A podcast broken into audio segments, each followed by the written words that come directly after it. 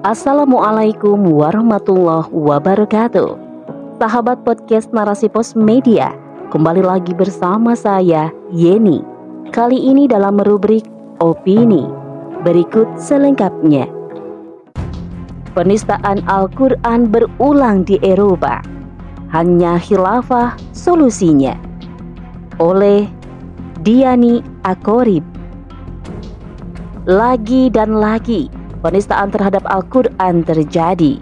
Seakan tiada henti, kali ini dilakukan oleh politikus sayap kanan Stankurs Rasmus Paludan yang memiliki kewarganegaraan Swedia Denmark. Ia membakar Al-Quran di depan umum saat memimpin demo di depan kedutaan besar Turki di ibu kota Swedia, Stockholm pada Sabtu 21 Januari 2023. Aksi penistaan ini bukan yang pertama kali ia lakukan. Tahun lalu politikus Swedia Denmark itu juga melakukan aksi yang sama di kota Linköping dan Norrköping, Swedia. Pembakaran kitab suci Al-Quran ia lakukan pada Jumat 15 April 2022. Aksi penistaan tersebut memicu kericuhan di kota Linköping, pantai timur Swedia. Akibatnya sejumlah korban berjatuhan, baik dari pihak kepolisian maupun pihak yang menentang aksi tersebut. Tidak hanya di Swedia, Penistaan Al-Quran juga terjadi di Belanda, tepatnya di kota Den Haag sehari setelah penistaan yang dilakukan Rasmus Paludan di Swedia. Adalah Edwin Wagenspalt, seorang politikus sayap kanan Belanda dan pemimpin kelompok Pegida yang dinilai anti-Islam telah menyobek salinan kitab suci Al-Quran dan membakarnya dalam sebuah panci. Aksi tersebut dilakukan pada hari Minggu 22 Januari 2023. Dua kejadian di atas menunjukkan betapa Islamofobia di Eropa makin akut. Istilah Islamofobia sendiri pertama kali muncul sebagai suatu konsep dalam sebuah laporan Runnymede Report tahun 1991. Dalam laporan tersebut, Islamofobia didefinisikan sebagai permusuhan tidak berdasar terhadap Islam dengan kata lain, Islamofobia dipahami sebagai ketakutan atau kebencian terhadap semua atau sebagian besar umat Islam.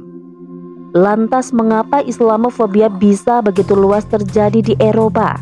Mengapa pula para pemimpin negeri-negeri muslim hanya bisa mengecam tanpa melakukan aksi yang berarti? Alasan yang diutarakan para penista tersebut selalu kebebasan berekspresi mereka meyakini bahwa kebebasan berekspresi sangat dijamin dalam sistem demokrasi, termasuk kebebasan untuk menista Al-Quran, Islam, dan kaum Muslim. Pada kenyataannya, kebebasan tersebut hanya berlaku untuk menista segala hal yang berkaitan dengan Islam dan kaum Muslim, namun tidak berlaku untuk agama dan umat lain. Inilah kebusukan demokrasi dengan salah satu jargonnya kebebasan berekspresi. Kebebasan inilah yang selalu diagung-agungkan oleh penyembah demokrasi. Kebebasan semu yang digunakan untuk menutupi Islamofobia akut yang menjangkiti pemikiran mereka. Dalam salah satu karya Karen Armstrong, Islamofobia merupakan bentuk prasangka yang direkayasa maupun ketakutan yang di antaranya dipicu oleh struktur kekuasaan global. Ketakutan dan prasangka itu diarahkan pada isu ancaman orang-orang Islam yang akan menguasai dunia. Akhirnya, mereka menganggap perlu menggunakan aksi kekerasan sebagai cara meredam kebangkitan Islam. Aksi-aksi kekerasan seperti membakar Al-Quran dan melecehkan kaum Muslim sengaja mereka lakukan untuk memicu kemarahan kaum Muslim dunia. Bagi mereka, hal tersebut sebagai sesuatu yang wajar karena para penista yang berlindung di balik kebebasan berekspresi itu berpikir Islam adalah agama yang inferior, biadab, mendukung terorisme, dan memiliki ideologi politik yang buas. Padahal sebaliknya, penistaan demi penistaan dan kekerasan yang mereka lakukan justru memperlihatkan wajah asli ideologi yang mereka anut. Tidak lain dan tidak bukan adalah ideologi kapitalisme yang mengusung paham liberalisme sebuah paham kebebasan di mana salah satunya adalah kebebasan berekspresi. Di sisi lain, diamnya para pemimpin negeri-negeri muslim yang hanya bisa mengecam tanpa mengerahkan pasukan merupakan bentuk pengkhianatan yang nyata terhadap Allah dan Rasul-Nya, sehingga kaum muslim tidak berdaya untuk bisa membela kemuliaan Al-Quran. Untuk itu, harus ada institusi pemerintahan yang dapat membela kemuliaan Islam dan melindungi kaum muslim, yaitu Khilafah Rashidah. Khilafah alamin haj an-nubuwah merupakan ajaran Islam yang dicontohkan Rasulullah Sallallahu Alaihi Wasallam sebagai junnah atau perisai yang akan melindungi umat dan agama Islam. Khalifah sebagai kepala negara akan mengurusi umat dengan sebaik-baiknya, melindungi akidah dan kehormatan kaum muslim di mana pun berada. Membela kemuliaan Al-Quran serta tidak segan-segan mengerahkan pasukan.